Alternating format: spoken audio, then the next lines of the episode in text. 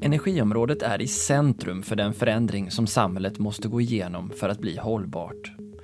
Omställningen påverkar synen på energi och strategierna för alla aktörer på marknaden. I Energistrategipodden utforskar vi detta och jag som delar resan heter Niklas Sigholm. RWE har länge varit en europeisk jätte inom energiförsörjning och är ett av de bolag som nu tar en stor position inom förnyelsebart. Mikael Sönneborg Wadenhorn är strategichef för RWE Renewables i denna snabbväxande bransch. Den här intervjun gjordes strax innan Ukrainakriget bröt ut, vilket ju satt ytterligare fokus på behovet av gröna alternativ för att minska beroendet av rysk gas. Samtidigt är vindkraften inte oproblematisk när flera länder höjer sina ambitioner, som Tyskland som vill ha 10 gigawatt ytterligare landbaserad vindkraftproduktion innan 2030. Hur navigerar Mikael och RWE mellan behoven, politiken och samhällets intressen för att skapa en hållbar utveckling av vindkraften? Kul att ha er med. Mikael Sönneborg Wadenhorn, varmt välkommen till Energistrategipodden. Stort tack Niklas, tack. Du är strategichef för eh, RWE eller RWE. Ja, det, det stämmer. Det stämmer. Så det är en, en affärsenhet inom RWE där vi har samlat all vår, ja, all vår verksamhet inom eh, förnyelsebar, förnyelsebar energi. Hur, berätta lite grann om, om, om företaget. Vad, hur stora är ni? Var finns ni och, och så?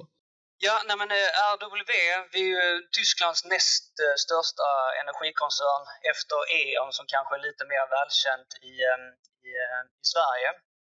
Vi, vi har bas i, i Europa, störst verksamhet här, men även globalt stor, eh, stor onshore-verksamhet i USA och även igång att expandera till Sydamerika, eh, Asien. Så vi, vi, vi har tagit de första stegen på, på vår globala bana. Eh, storleksmässigt så, så har vi väl en, en omsättning på 150 miljarder svenska kronor och anställer runt 20 000, 20 000 personer. Annars så eh, är det man förknippar RV med ju gas annars. Kan du berätta lite om historien bakom om, om, om er och er roll i RWE? Ja, nej men precis. Traditionellt så, så mm, RWE är över 100 år gammalt. Jag tror bildades på, på 1800-talet och traditionellt så har vi ju sett som fokus på fossilfritt. Det var mycket eh, snack om brunkol och, eh, och gas.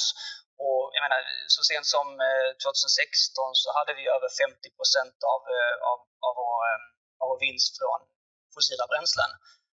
Eh, men sen dess har vi startat vår resa mot, mot förnyelsebart och eh, redan nästa år så kommer under 5, 5 procent av intjäningen vara från ja, traditionella fossila bränslen och resten från, från förnyelsebart. Så vi, vi är igång med en alltså så förändring av verksamheten mot eh, fullt fokus på, på förnybart. Vi har också stort fokus här på, på kapitalmarknadsdag i november förra året där vi släppte den här Growing Green-strategin. Och jag menar, namnet säger lite sig själv. Nu ska vi bli gröna, ännu mer gröna och vi ska investera då 500 miljarder svenska kronor i utbyggnaden av, av vår gröna verksamhet. Kan du sätta lite kontexten för hur det är i tysk politik nu och trycket på vindkraftsplanerna i, i Tyskland eftersom det är en sån motor i Europas ekonomi? Jo, nej, men alltså det, det, har ju varit väldigt positivt här efter, efter valet förra året. De har ju kommit med, med några konkreta, först och främst ökade konkreta eh, så att säga, mål för, för utbyggnaden både av eh, havs, eh, havsbaserad vindkraft, landbaserad vindkraft och, och solkraft här mot, mot 2030. Sen dessutom, men sätta mål är en sak. Det, det är kanske den enkla biten att göra, men, men också för att kunna konkretisera de här målen så har de ju i alla fall påbörjat att underlätta för, för, för utvecklarna. Bland annat så avsatte de en viss del av landytan som skulle vara, eh, skulle vara tillgänglig för, för förnyelsebar energi och så. För att det vi ser runt om, det är väldigt många, väldigt många länder som vill ha förnyelsebart, sätter rätt aggressiva mål för förnyelsebart. Men också för att underlätta för oss utvecklare så måste det finnas någon som säger gör det lite lättare med tillståndsprocesser och, och möjligheter för att faktiskt kunna förverkliga de här målen. Ja, jag läste att eh, de här målen var inte så lite ambitiösa för Tyskland. Eh, ja, målen, jag tror inte de sista målen är, är konkretiserade än, men det, det är superambitiöst. Jag menar, Tyskland har ju redan varit en ledare inom, inom förnyelsebart och nu, nu med den nya regeringen här så har de ökat dem, ökat dem ytterligare. Så för oss är det ju mer bara att tacka och ta emot och, och vi står redo att, att utveckla det. Och sen dess så har vi börjat alltså, öka vår Eh, vår development-del i Tyskland rätt, eh, rätt signifikant för att kunna vara, ja, vara en stor del i att leverera på de här målen. Din historia, eh, vad är din erfarenhet och bakgrund och resan till din nuvarande post? Ja, re, resan hit, ja, men, ska man gå hela vägen tillbaka så jag är född och uppvuxen i, i Malmöregionen som kanske hörs på, hörs på dialekten. Så eh, utbildad i Lund, började som eh, civilingenjör, insåg rätt snabbt att jag kanske inte har varken intresset eller kunskapen för, för de rent tekniska delarna. Så jag läste in en, en eh, magister i företagsekonomi vid, vid sidan av. Så civilingenjör maskin, maskinteknik med magister i företagsekonomi. Jag hoppade på det som var hetast i regionen på den tiden, AP Möller Maersk, eh, där jag jobbade inom eh, vad säger man, eh, energidelen, först med chipping av olja och gas och sen i, i offshore drilling-delen. Så att eh, redan ja, jobbat med energi hela min, min karriär, men, men där det egentligen verkligen började ta fart var i slutet av 2014 eh, så blev jag kontaktad av ett litet företag som då hette Dong Energy. Frågade om jag ville vara med på, på resan inom havsbaserad eh, vindkraft hos, eh, hos dem. Och nu i efterhand så ser jag det som ett väldigt naturligt val, men, men på den tiden Long Energy var inte superhett. Det var inte så många som, som ville jobba där och havsbaserad vindkraft var inte så stort som, som, det var idag. Så det var en chansning, men jag, jag tog beslutet, eh, hamnade hos Dong, spenderade fem år i, eh, i eh, strategiteamet för, för havsbaserad vindkraft, ledde teamet de sista tre åren. Det var en fantastisk resa. Eh, jag menar, vi, vi gjorde IPO av Dong, vi bytte, från Dong till, bytte namn från Dong till Örsted och allt vad det innebar. Eh, såg utvecklingen av, av, eh, av havsbaserad vindkraft i de här fantastiska åren då från, från, från första parkett. Ehm, efter fem år i Dong var det tid att göra något nytt, så jag tog steget ut, körde min egen lilla verksamhet ett, eh, ett tag som, som rådgivare inom eh, förnyelsebar energi innan jag landade min, min nuvarande roll hos RWE, vilket egentligen passar som, som handen i handsken. För att nu sitter jag som strategichef både för havsbaserad vind, vilket jag har en tidigare erfarenhet från, men sen också har jag landbaserad vind, sol, eh, vätgas, eh, storage och batterier och allt annat. Så att jag har breddat min portfölj och även lite breddat geografin här. Så att, och, och liksom den omställning vi gjorde i Dong till Örsted så står vi inför en liknande omställning här i RWE. Så jag tror vi har en fantastisk resa framför oss. Vad skulle du vilja ge för betraktelse kring hur branschen har utvecklats sedan du klev in i den? Ja, men alltså om, om vi tittar på branschen förnyelsebart, det, det, det har ju fått ett ett extremt uppsving skulle jag vilja säga. Jag menar, tittar vi på offshore wind specifikt, som när jag eh, tog klivet in där i 2015, den stora frågan var ju om, om den industrin skulle överleva. Det var, det var en, en av de största strategiska frågorna vi hade. För att det var en lite oprövad teknologi, kostnaderna var alldeles för höga. Det var en, en, en ja, en teknologi som användes i ett fåtal marknader om, om, i, eh, om i Europa. Så att det var ju en del av vår, ja, men vår strategiska plan. Hur kan vi få industrin att överleva? Sen gick vi från mycket mer till, till att överleva till, till där vi har nu. Så framförallt då med, med havsbaserad vind, men också om man tittar över alla förnyelsebara eh, produktionslag. Det, det, har ju kommit upp enormt och det har hamnat i alla de största, största debatterna. Och, och menar, om du tittar på ett av president Bidens första alltså, executive orders när han blev president i USA var ju att sätta, sätta 30 gigawatt eh, mål för, för havsbaserad vindkraft i USA. Så att det, det är ju på topp av alla politiska agendor och det, det är full fokus på, på förnyelsebar utbyggnad. Så att en lite mer positiv ton i industrin nu skulle jag säga än vad det var på den tiden. Om man då tittar eh, framåt så är det naturligtvis fantastiska eh, utblick antar jag att ni ser. Jo, och, och Tysk, Tyskland är inte det enda landet. Jag menar, vi, vi ser länder över hela Europa som, som ökar sina, sina mål för, för förnyelsebart. Eh, jag menar, Storbritannien som är världens största konsument av havsbaserad vind ökade sina 2030-mål från, från 30 till, till 40 gigawatt.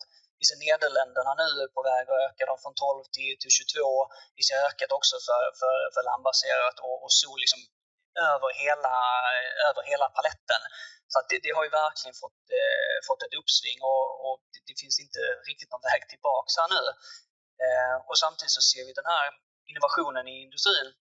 Vi har integrationer med, med vätgas, vi har vidareutveckling av, eh, av batterier.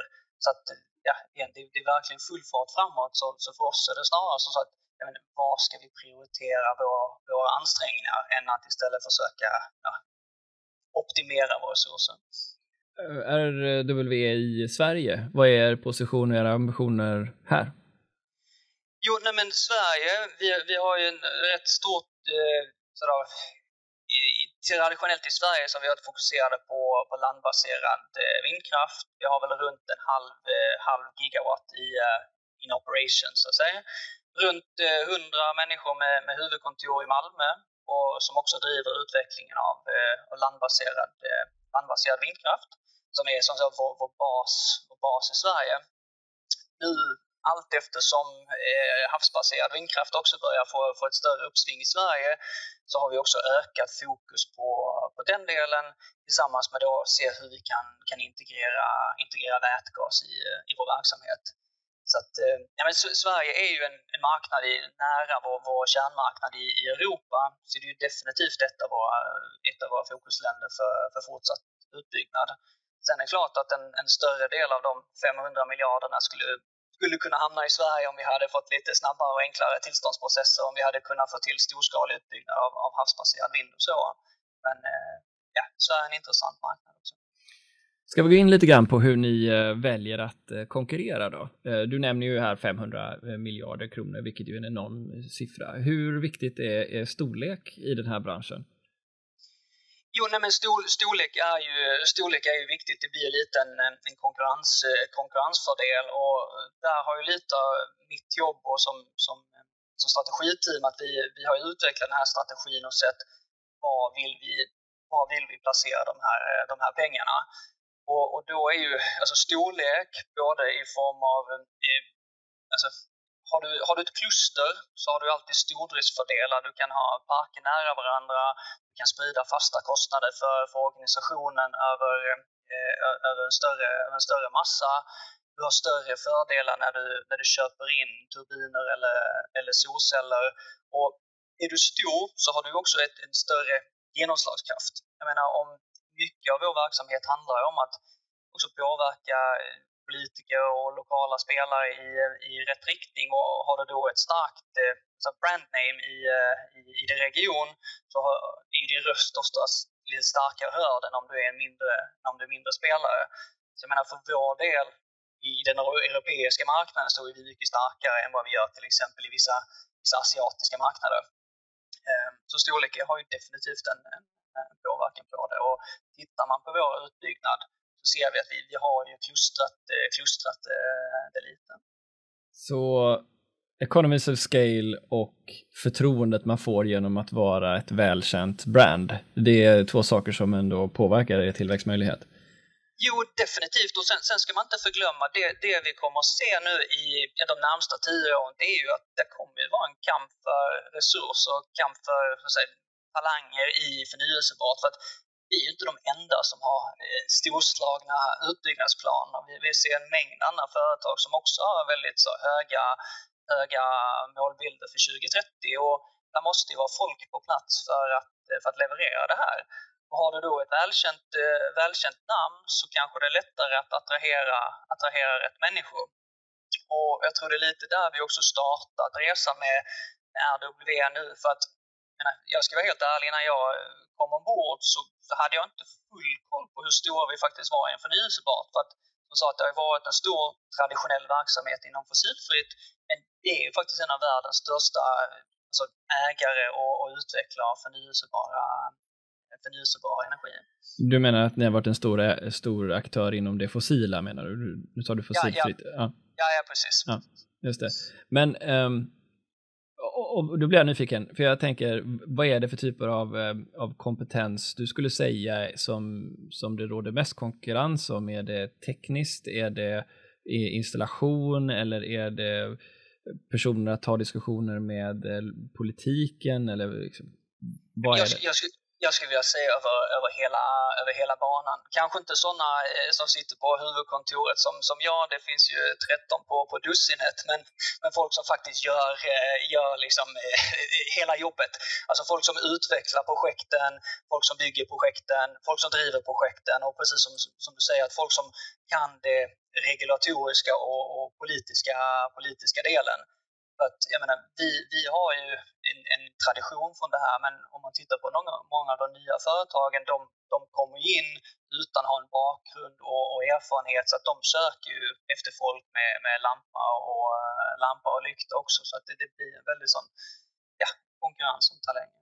Är det likadant i vilket land i Europa du än tittar i? Ja, men jag skulle, jag skulle vilja säga att det, det, är, ju, det är generellt över, över den förnyelsebara delen.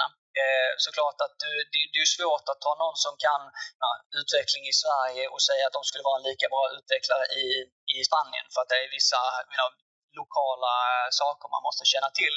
Men generellt över eh, alla länder så ja, det, det, det är brist på folk och med de planer vi har också så kommer det krävas enormt mycket mer folk. Men bara landbaserat i, i Tyskland så tror jag vi har 200 öppna positioner efter vi ökade vår, vårt mål här under, under slutet av förra året. Så att det, det säger lite om den, den eh, resursbrist vi har på personal. Vilka är era huvudmarknader skulle du säga?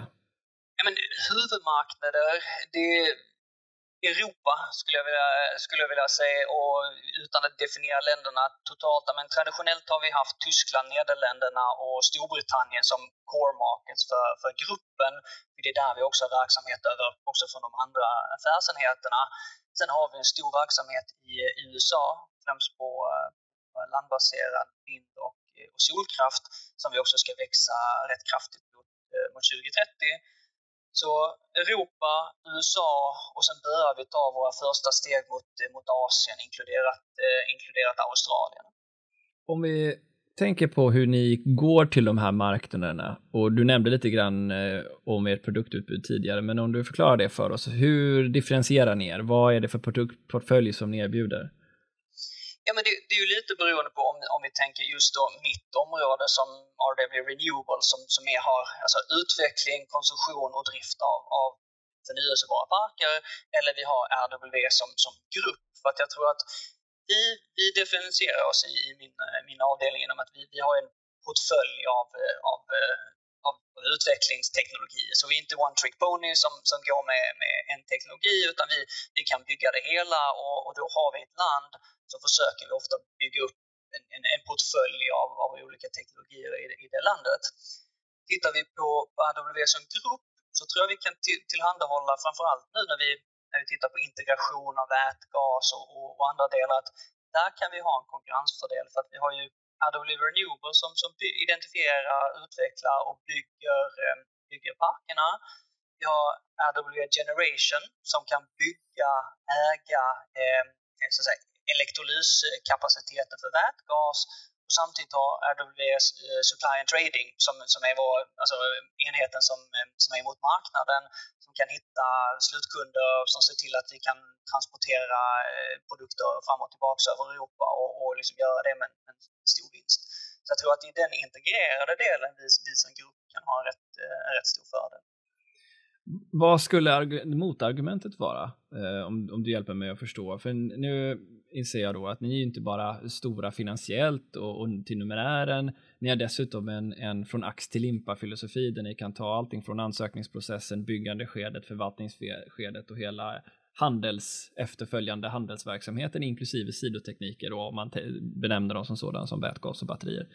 Um, den här uh, We're Big-strategin, um, finns det någon, finns någon, någon, någon baksida med det? Alltså, nu vill vi ju tro att det, det, det är den vinnande strategin. Ja, jag tänker mer att strategi det, alltid är balans. Hur ja. ser balansen ut då snarare? Nej, men du, du, du har ju, du har ju alltid det här att ett, ett stort tyskt företag med, med kanske en sån centraliserad eh, styrning är inte alltid så agila och snabbrörliga i vissa, om man kan kalla satellitmarknader.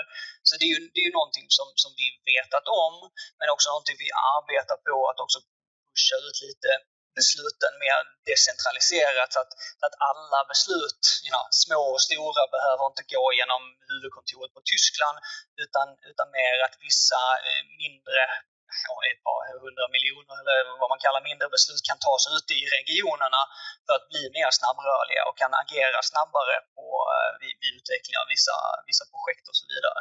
Jag tror det är där vi har lite av ja, vad vi har att lära men också som den, den väg vi är, vi är på väg att gå. Ehm, för tittar man på, tittar man på Adobe Renewables egentligen, vi som affärsenhet eller om man kan kalla oss företag, vi, vi är inte speciellt gamla. Ehm, vi bildades bara för mindre än två år sedan genom en rätt komplicerad sammanslagning av E.ONs, AWS och sen ett dotterbolag, Inogis, eh, verksamhet inom förnyelsebara. Så att var sak har också sin sin tid i så att säga, få saker på plats, sen börja optimera och sen fortsätta, sen fortsätta växa. Vilka förmågor är det som ni trycker på och som är centrala för er att ha eh, som, en som en eh, särskillnad för er i konkurrensen? Nej, men jag skulle vilja säga att vi har ju, vi har ju en, en lång erfarenhet av, eh, av de här projekten. Alltså jämfört med, med några av de nya firmorna som kommer in så har ju vi byggt och utvecklat förnyelsebart under, under många, många år vi är världsledande eh, över, ja, över, de flesta, över de flesta teknologierna. Så det, det ligger en, en erfarenhet och eh, en, en kompetens, eh, eh, kompetens in-house om man, kan, eh, om man kan säga så. Sen tillbaka till storleken så har vi en rätt stark ställning i de marknader där vi är, där vi är närvarande. Det har ju varit en, en tydlig del av, av strategin. Så att vi, vi går inte in och gör ett litet projekt i någon marknad för det känner vi att där kan vi inte konkurrera. Utan vi väljer ett antal marknader, i det här fallet rätt många, men där, där, vi, vill, eh, där vi vill slå på, slå på stort. Och sen slutligen också så, så har vi en stark kommersiell plattform. Eh, vår, vår supply and trading-del, de, de, är bra på att eh, hantera strömmen. Så vi, vi, är väldigt bra på att eh, utveckla, bygga och, och sen sköta driften av, av parkerna. Samtidigt har de en väldigt, eh, väldigt kunnig, kunnig part inom, inom gruppen som också ser till att vi, vi kan tjäna ordentligt pengar på det här. När det kommer till att boxa ut så här, nya marknader och mycket är nytt, så hur, hur viktigt är det för er att ha en, en politisk dialog med, i de länder som ni verkar? Jo, men med tanke på att mycket av, eh, av våra projekt och hela det, det är ju infrastruktur, det är eh, säkerhet av, av energi, så det kommer ju alltid ligga en form av politisk, eh, politisk dialog inom vår bransch. Och som, eh, som då spelare så, så måste du vara, vara del och, och, ta de här dialogerna för att jag menar, vi, vi har ju saker vi vill pusha för eh, när de lägger de här planerna. Tittar man på, på havsbaserad vindkraft till exempel så i många länder innan eh, regeringarna har lagt sina planer och utbyggnadsplaner och, och regulatoriska eh, ramverk och så vidare så har de ju haft marknadsdialoger med, med utvecklare som oss själva där vi då får, får vara del av dialogen och försöka påverka men, vill vi ha större parker eller vilken typ av, eh, av statsstöd vill, vill vi ha och vad för typ av, eh, av väg till marknaden. Så att det, är en väldigt, eh, det är en väldigt viktig del för då kan man också försöka optimera mot vad vi tycker är, är våra styrkor. Finns det några länder som sticker ut där som som bättre eller sämre på att driva den här utvecklingen? Nej, alltså igen tittar man på förnyelsebart, vi har ju haft eh, de, de industriella länderna har ju legat lite i, eh, i framkant, framförallt då med, eh, med offshore wind. Sen, jag menar, när man, går på, när man går i nya länder så dyker det upp rent politiska, politiska fällor kanske som, som, som dyker upp vi såg det i, i Taiwan för exempel, den, den första. Nu är inte vi, var inte vi del av den som, som RW, men i första utbudsrundan så, så fick, var det en nivå på statsstöd. Regeringen den höll tillbaka eh, processen så att det, det, gick över ett årsskifte och nästa år så gick statsstöden ner. Så rent från en, en politisk instabilitet gjorde att du, du, du tappade ja, mellan 5 till 10 procent på, på, på din intjäning som du då hade räknat med i ditt business case och vidare. För att det, man var inte van vid den typen av, vad ska man säga, eh, ja, den typen av verksamhet från, eh, Eh, från då regeringar. För att tidigare har man opererat här i Europa så har allting varit aningen mer stabilt. Det verkar som att eh, England ändå har hittat en process, eh, givet att de nu har en, en hel del havsbaserade vindkraftskoncessioner både på gång och redan etablerade. Om du jämför med vad England gör med vad vi gör, kan du beskriva det? Vad, vad är det som funkar om det nu är det? Jo, nej, men eh, definitivt. De, de är ju ledande inom eh, havsbaserad vindkraft och, och som sagt, de har ju hållit på med det här i alla fall ja, mer än, mer än tio år. Men det, det de, ska man jämföra mot Sverige, det de har, har, har tydligt är att för det första har de ett mål på utbyggnaden. De har ett tydligt eh, utbyggnadsmål som de vill ha installerat med havsbaserad vindkraft. Och sen börjar de då jobba mot hur ska vi, hur ska vi nå det här målet. Sen, sen hur de gör i England, det är att de, de identifierar vissa, vissa zoner ute, ute i havet. De här zonerna får då eh, utvecklare bjuda på. Så att eh, här förra året så hade vi en auktion där ja, den som betalar högst pris blev tilldelad den, eh, den zonen. Så det finns bara ett specifikt antal, antal zoner som utvecklarna då får utveckla vidare och slutligen använda dem för att bjuda in i en auktion för, ja, för statsstöd eh, ett par år senare. Så att det är ett tydligt mål, en tydlig identifiering av vilka områden som kan användas och en tydlig process om hur du använder de här områdena för att, för att bjuda in till statsstöd. I Sverige så har vi ju inte riktigt eh, några mål för, för havsbaserad vindkraft, några tydliga mål. Vi har inte heller den här identifieringen av vissa zoner utan det, det är en väldigt blandning av zoner. Jag tror vi har 120 gigawatt i Sverige under utveckling. Men de här zonerna de är, de är överlappande och det är lite oklart vilka som är de bästa zonerna och så vidare. Så att det är en otydlighet i, i, den, i den biten. Um, ja, så det, det är där den största skillnaden är. Skulle man göra det enkelt så skulle man också kunna göra som, som Danmark eller Nederländerna har gjort. Där har, gör de så att regeringen de identifierar en zon. Regeringen gör all, ut, all undersökning. De tittar hur mycket vind som blåser och hur havsbotten ser ut och, och you know, hur du kan lägga upp din park. Så lämnar de ut det här området till, till, till utbud och lägsta, lägsta, budet, eh, lägsta budet vinner. Och det har ju varit en, alltså i Nederländernas exempel så har det varit en extremt eh, framgångsrik modell för att de, de har ju gått från ingenting till att bli de, en av ledarna inom havsbaserad. En eh, sån tydlighet i processen, sänker det också priset för den installerade vindkraften? Ja, men det, det, skulle jag vilja säga. Vi, vi har ju sett, eh, vi har ju sett eh, exempel både från, eh, eh, från Storbritannien och Nederländerna. Eh, Storbritannien så innan de här strukturerade processerna riktigt kom på plats så hade du statsstöd på 150 pund per megawattimme. Eh, nästa auktion gick vi ner till, till 70-80 och, och fortsatte gå ner så vi den sista som, som auktionerades ut här eh, 2019 ligger på 40 pund per, per megawattimme. Och det är efter man introducerat den här konkurrensen. Nederländerna likaså.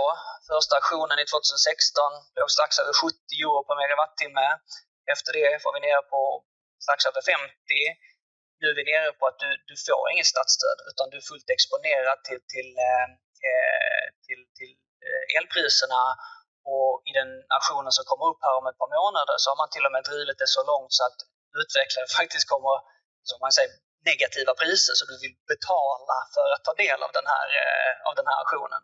Så det är rätt tydligt att implementeringen av det här driver verkligen kostnaden neråt, innovationen framåt. Eh, ja. Så från eh, 7 öre i stöd till 5 öre i stöd till 0 i stöd till nästan få betalt för, för att eh, eh få koncession?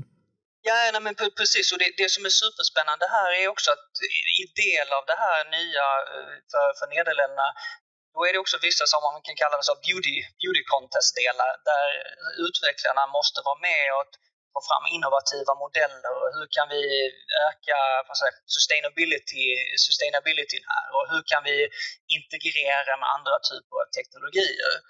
Och det är rätt tydligt i framförallt havsbaserad vindkraft nu att det är, ett, det är en mismatch på supply and demand. Det är en extremt eh, alltså demand från, från utvecklare. Det finns inte tillräckligt mycket, mycket möjligheter, tillräckligt mycket zoner eller projekt att, att bjuda på. Och, och, det är därför vi också ser den här kraftiga reduktionen i priser. Vad är dagens LCOE för eh, onshore och offshore wind skulle du säga ungefär och hur utvecklas det? Ja, jag, jag, kan inte ge, ge LCN exakt eftersom det, det, är en konkurrenshemlighet för oss. Men vi, vi, har ju sett, eh, vi har sett de här att eh, om man då kan bjuda utan statsstöd och vara fullt exponerade till, eh, till, till elpriser så räknar man med en LCE som är, ligger under, under de här priserna. Och som sagt, eh, havsbaserad vindkraft har vi sett en kraftig reduktion bara de sista 5-6 åren. Eh, landbaserad vindkraft och solkraft det går ju lite långsammare för det är också en mer etablerad, etablerad teknologi.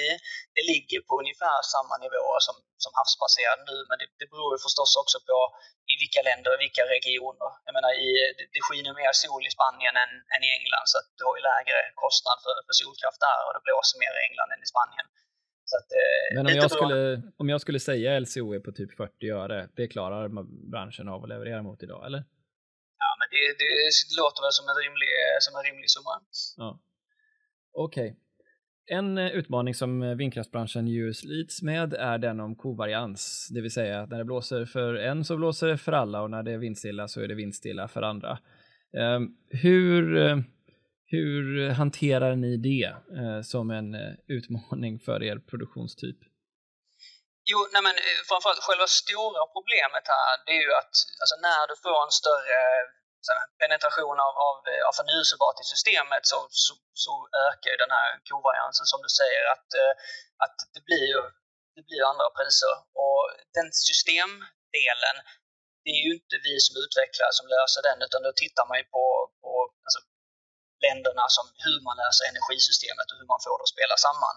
Och där är det lite, lite samma för, för alla.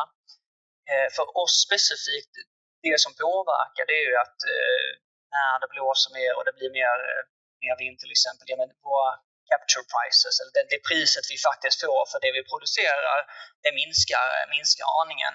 Men vi har ju en rätt stor avdelning som sitter och räknar på det här och har modeller för alla marknader. Så i de business casen vi, vi tar beslut på, då är vi medvetna om, om det, om, om hur vi beräknar framtida, framtida elpriser. Eh, sen såklart så vill vi vara del av, en av lösningen och det är också därför vi tittar på men, batteriteknologier, kan man göra någonting med vätgas? För hela den lagringsproblematiken, det är lite där som man kan försöka använda för att balansera upp de här eh, skillnaderna när, när det blåser och, och när det inte blåser. Så ett sätt att skapa mer stabilitet är ju att ha ett mellanlager av, av något slag som helst. Finns det också, och hur fungerar de teknikerna genom att exempelvis vinkla eh, turbinernas blad eller förstått, propellernas blad? Finns det saker ni kan bygga in där också för att skapa flexibilitet i resursen baserat på det behov som marknaden har? Jo, det, nu, nu, är ju den tekniska delen där inte min, eh, inte min starka sida, men ju, just optimera produktion och dra ner produktion och, och, om vi skulle behöva stanna, stanna våra turbiner för att vi producerar för mycket, det, den teknologin finns ju, finns ju redan där. Men det är ju mer så optimera för, för tillfället. Jag tror de stora frågorna här är ja, men hur, kan man, hur kan man ha lagring så att i, i ett land, land som fokuserar mycket på solkraft, hur kan du då dagar under dagen när solen skiner och så släppa ut den energin på, på natten där, där solen inte skiner. Och där är vi ju inte än.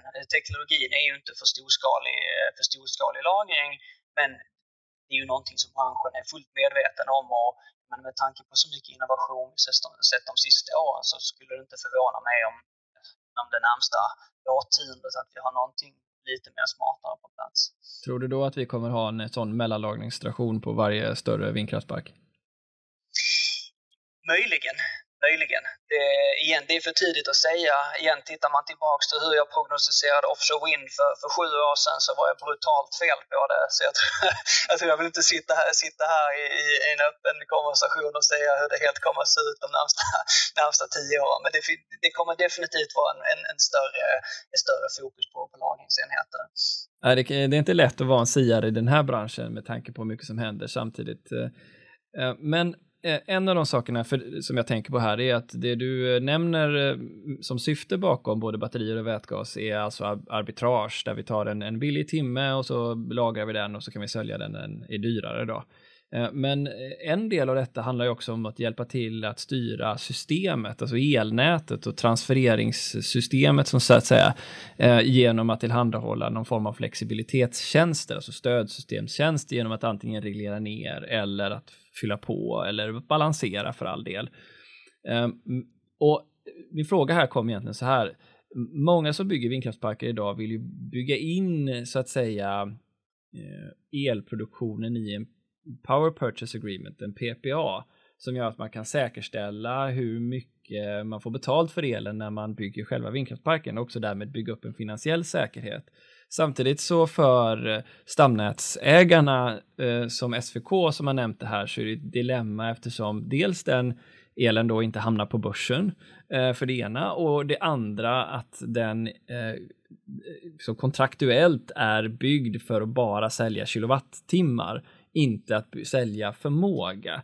Har ni problematiserat det här och vilken, hur ser du utvecklingen av marknaden?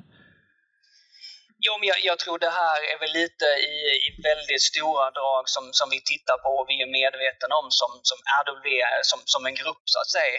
Men vi har, igen, vi har ju inte någon lösning på det eh, för, för tillfället och, och tittar man på oss som, som förnyelsebar, alltså RW Renewables, för närvarande så är vi just i den, den delen att vi, by, vi bygger våra parker. Vi måste säkra en, en, en offtake, antingen då med en, en, ett statsstöd som är en form av en PPA eller, eller ha en corporate PPA där vi säljer det direkt till, eh, till, till ett företag. För att det, det är en rätt stor skillnad på business casen om du har då din, din eh, Eh, din produktion säkrad eller om du inte har den säkrad för att du har en helt annan, du har en helt annan risk om du exponerar till, eh, till fluktuerande, fluktuerande elpriser mot, mot om du inte är det.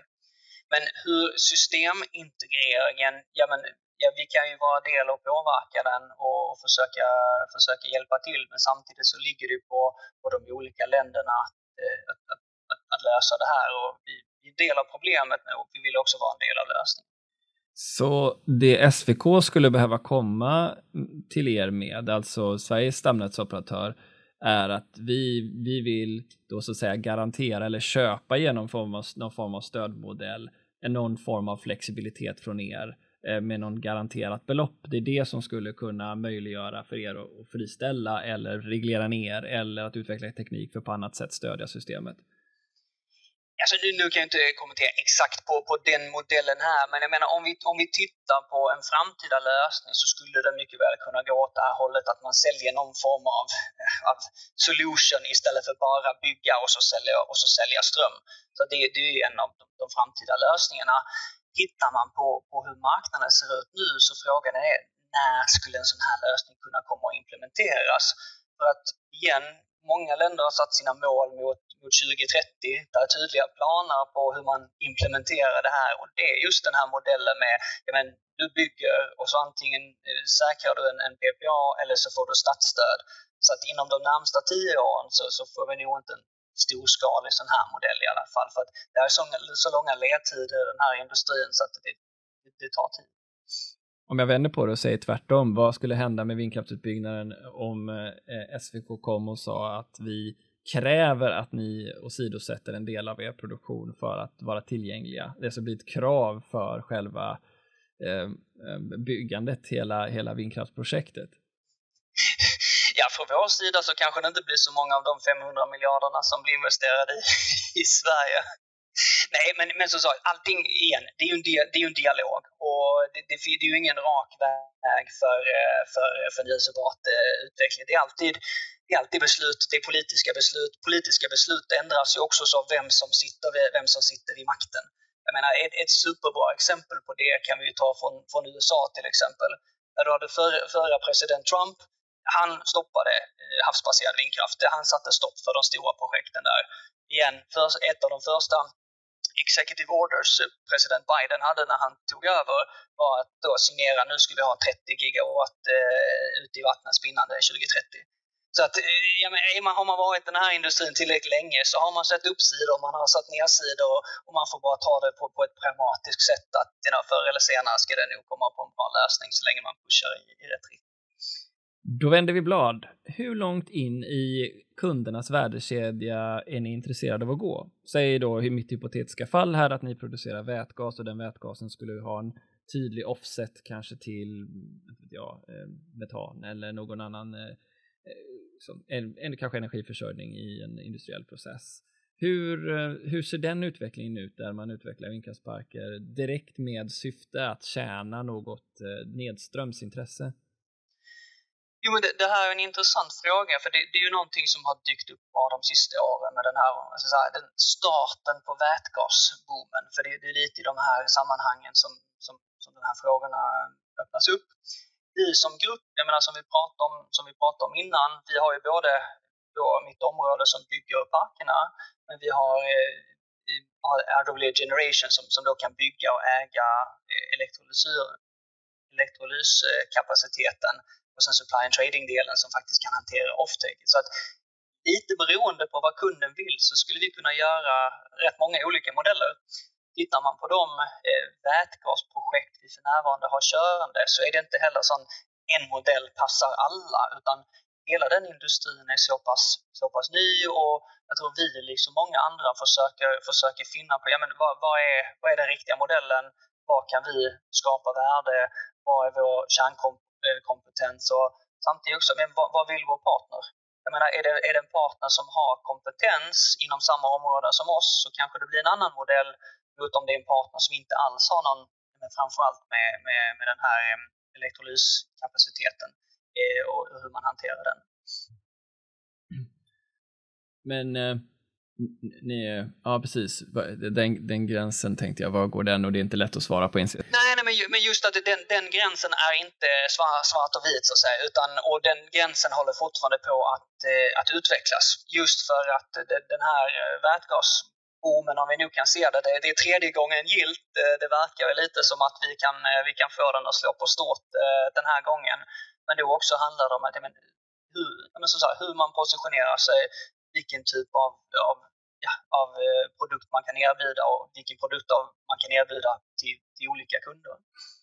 Om vi tittar på den politiska sidan, vi har ju för all del redan touchat på det flera gånger här nu under vårt samtal, men, eh, men en av de här konflikterna som hela tiden råder är den mellan eh, klimat och miljö då såklart, mellan artskyddsutredningen å ena sidan då för att värna om en beståndiga eller hållbara bestånd av, av, av djur och växter hur jobbar branschen med att bli bättre på att utveckla produkter som är eh, hållbara ur det perspektivet?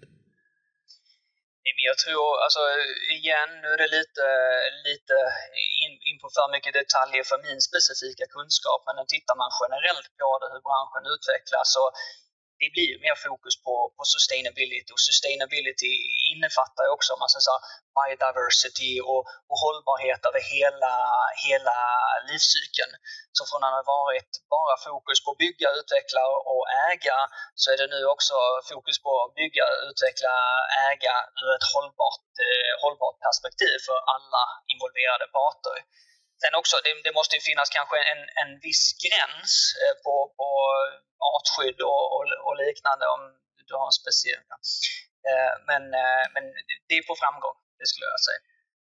Ja, för det är kanske en ganska liksom, bonnig fråga, eller vad jag ska säga. För, har du någonting om, om, om, om problemen med havsbaserad vind i Sverige så berör det liksom havsörnens väl och ve i, i Tyskland så finns det en, en annan fågel som också är, är, är under lupp. Finns det något sätt att eh, rädda havshörnen undan faran från havsbaserad vind?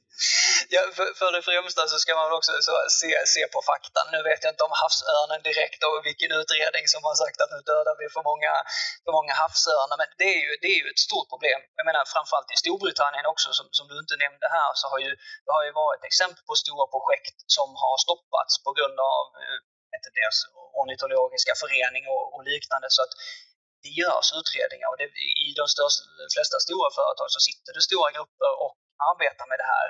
Och när du gör dina planer för, för havsbaserad vind, jag menar en stor del av de planerna är just att, att visa på att nej men, alltså, det, det inte ligger i, i, alltså, men, i, i vägen för några, flyttvägar för fåglar och, och den här eh, stor, stora örnen, att vi, vi ska nog säkerställa att det, det, det blir bara minimalt av påverkan för, för dem.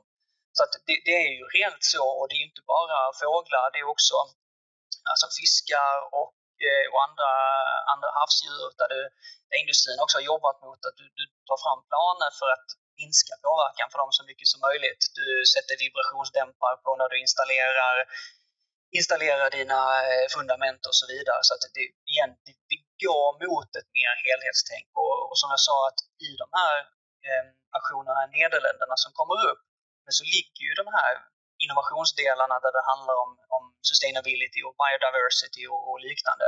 Så att de, om man kan kalla de mjuka värdena, blir mer och mer integrerade i, eh, i, i utbyggnaden, i alla fall i vissa länder. Den andra stora intresset eh, det finns flera, men eh, är militären som då sätter stopp av olika militära skäl. Finns det någonting som branschen gör för att utvecklas för att bli bättre på att hantera det intresset? Ja, men jag, jag, tror väl hela tiden ökad dialog är lösningen till det här. Jag menar nu, nu vet jag, vi refererar till militären i Sverige som jag förstår är lite kanske mer extrem än vad, vad vi sett militären i, i andra länder. Men, men igen, det finns ju ett nationellt säkerhetsintresse som man såklart inte får, får bortse från, men det måste ju också kunna vara en, vara en dialog. Hur och när drar man, eh, drar man den gränsen?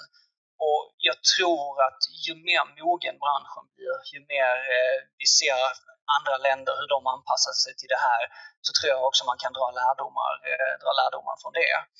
Jag menar, ja, en sak är, är, är landbaserad, eh, landbaserad vind, men, men igen tittar vi på, på havsbaserad vind det är en väldigt ung industri.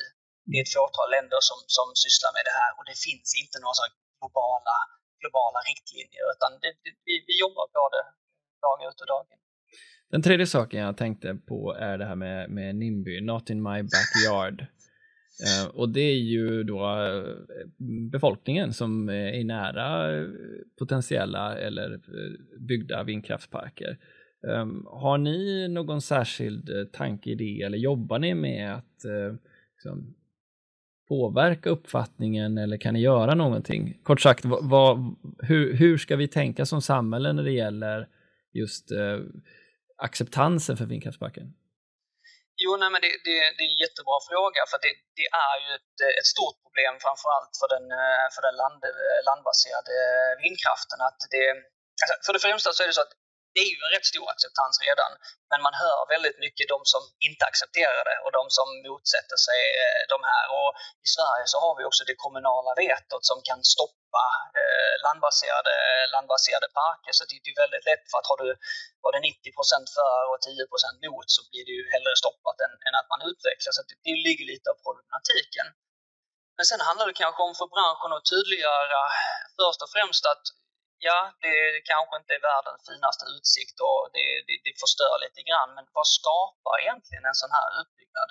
Jag menar, du skapar jobbtillfällen, framförallt när du bygger, när du bygger parken. Du skapar jobbtillfällen när du driver parken. Du skapar mervärde för hela samhället för att ja, men du, du har folk där och ska äta och bo och, och hela den biten. Så du, du har en ekonomisk, ekonomisk vinning det som vi skulle kunna göra i Sverige till exempel är ju som vi ser i, i Finland och, och Norge att där går ju en del av förtjänsten tillbaks till kommunerna. Så att du har ju en direkt finansiell påverkan på att ha, eh, ha dina vindkraftverk i, i området. Och jag tror skulle vi kunna få igenom något sånt så tror jag också att acceptansen skulle ökas. För att folk är ju så att ja, men, du ser bara det dåliga, men samtidigt om man kan tydliggöra vad som faktiskt är positivt på det här så skulle vi få en, eh, skulle vi få en större acceptans. Säg nu att Sverige kommer igång eh, och får en betydligt större utbyggnad av, eh, av on och offshore wind. Ehm, kan det finnas en fördel att vi är lite efter andra länder i Europa i det att vi kan ha bättre vindkraft då när vi väl eh, bygger den? Ja, alltså eh, när det gäller onshore wind så, så, tror jag inte vi ligger efter. Vi har en rätt stor utbyggnad i, i Sverige och vi är väl hyfsat långt framme på, på, på den landsbaserade vindkraften. Offshore så ligger vi, ligger vi bakom, men, men som du säger att utvecklingen och kostnadsutvecklingen eh, har ju varit rätt, eh, rätt signifikant. Jag menar, tittar vi på turbinstorleken, när jag började i branschen så, så låg offshore windturbinerna på kan vara under 10 megawatt, jag tror 8 megawatt var de största. Nu har vi 15 megawatts turbiner som är på väg ut på marknaden inom det närmsta, inom det närmsta året. Och turbinen är ju den största, enskilt största påverkan på, på, på en låg LCOE. Där har du en fördel. Det är också en utveckling av branschen. Igen, som vi sagt ett par gånger, branschen är ju relativt, relativt ny. Så hela den här standardiseringen, optimiseringen och, och, och lite innovationen, ja, men det har ju skett rätt mycket de sista 5-6 åren. Och ja, så, så därigenom tror jag att vi, vi kan bygga eh, vindkraftparker i Sverige till lägre kostnad än vad vi kunde ha gjort, eh, ja, kunde ha gjort för 5-6 år. Så att vi har ju tagit bort lite av risken eh, för de här byggnadsprojekten. Du nämnde tidigare att det finns fler utvecklare än utbud på mark eller vatten att bygga på. Men hur är det på finansieringssidan? Eh, hur lätt eller svårt är det att eh, finna finansiering till den här typen av projekt, skulle du säga? Ja, men eh, nu, nu så skulle jag säga att finansiering är rätt, är rätt lätt. Framförallt i, i den här låg, lågräntenivån, men, men sen samtidigt också att ja, men förnyelsebart är ju, är ju rätt så här hett. Det, det, det, det är en stor utbyggnad. Det finns många bra projekt.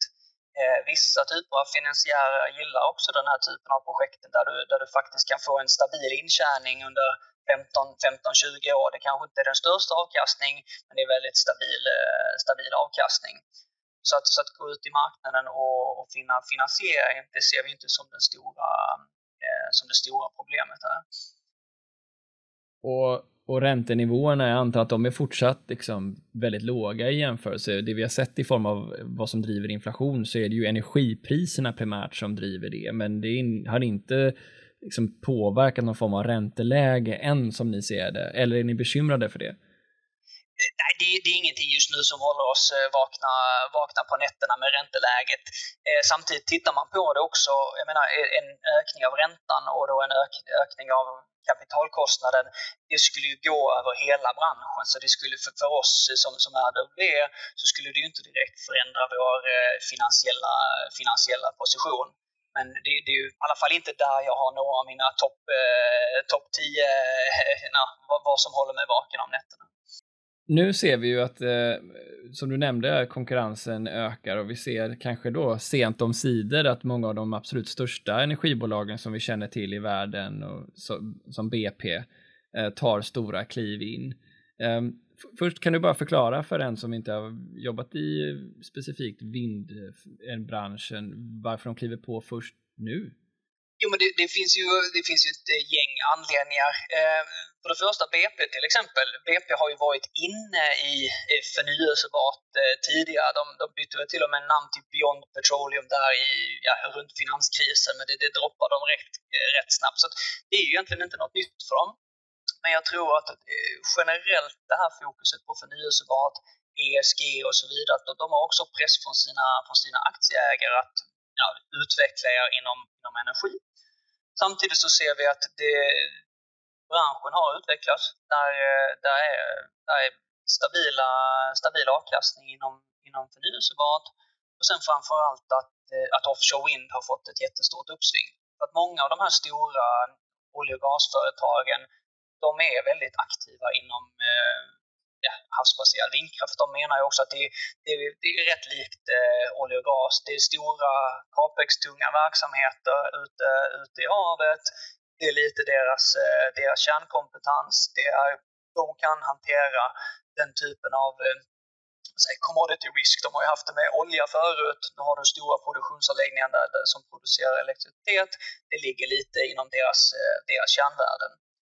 Så att eh, de, ja, men de har ju kommit in i marknaden. De har också gått in med alltså full, full styrka. Vi ser vissa, vissa av de här bolagen har ju signifikanta mål mot 2030 där de egentligen börjar från nästan noll till att ha mål som faktiskt är högre än, än vad vi har.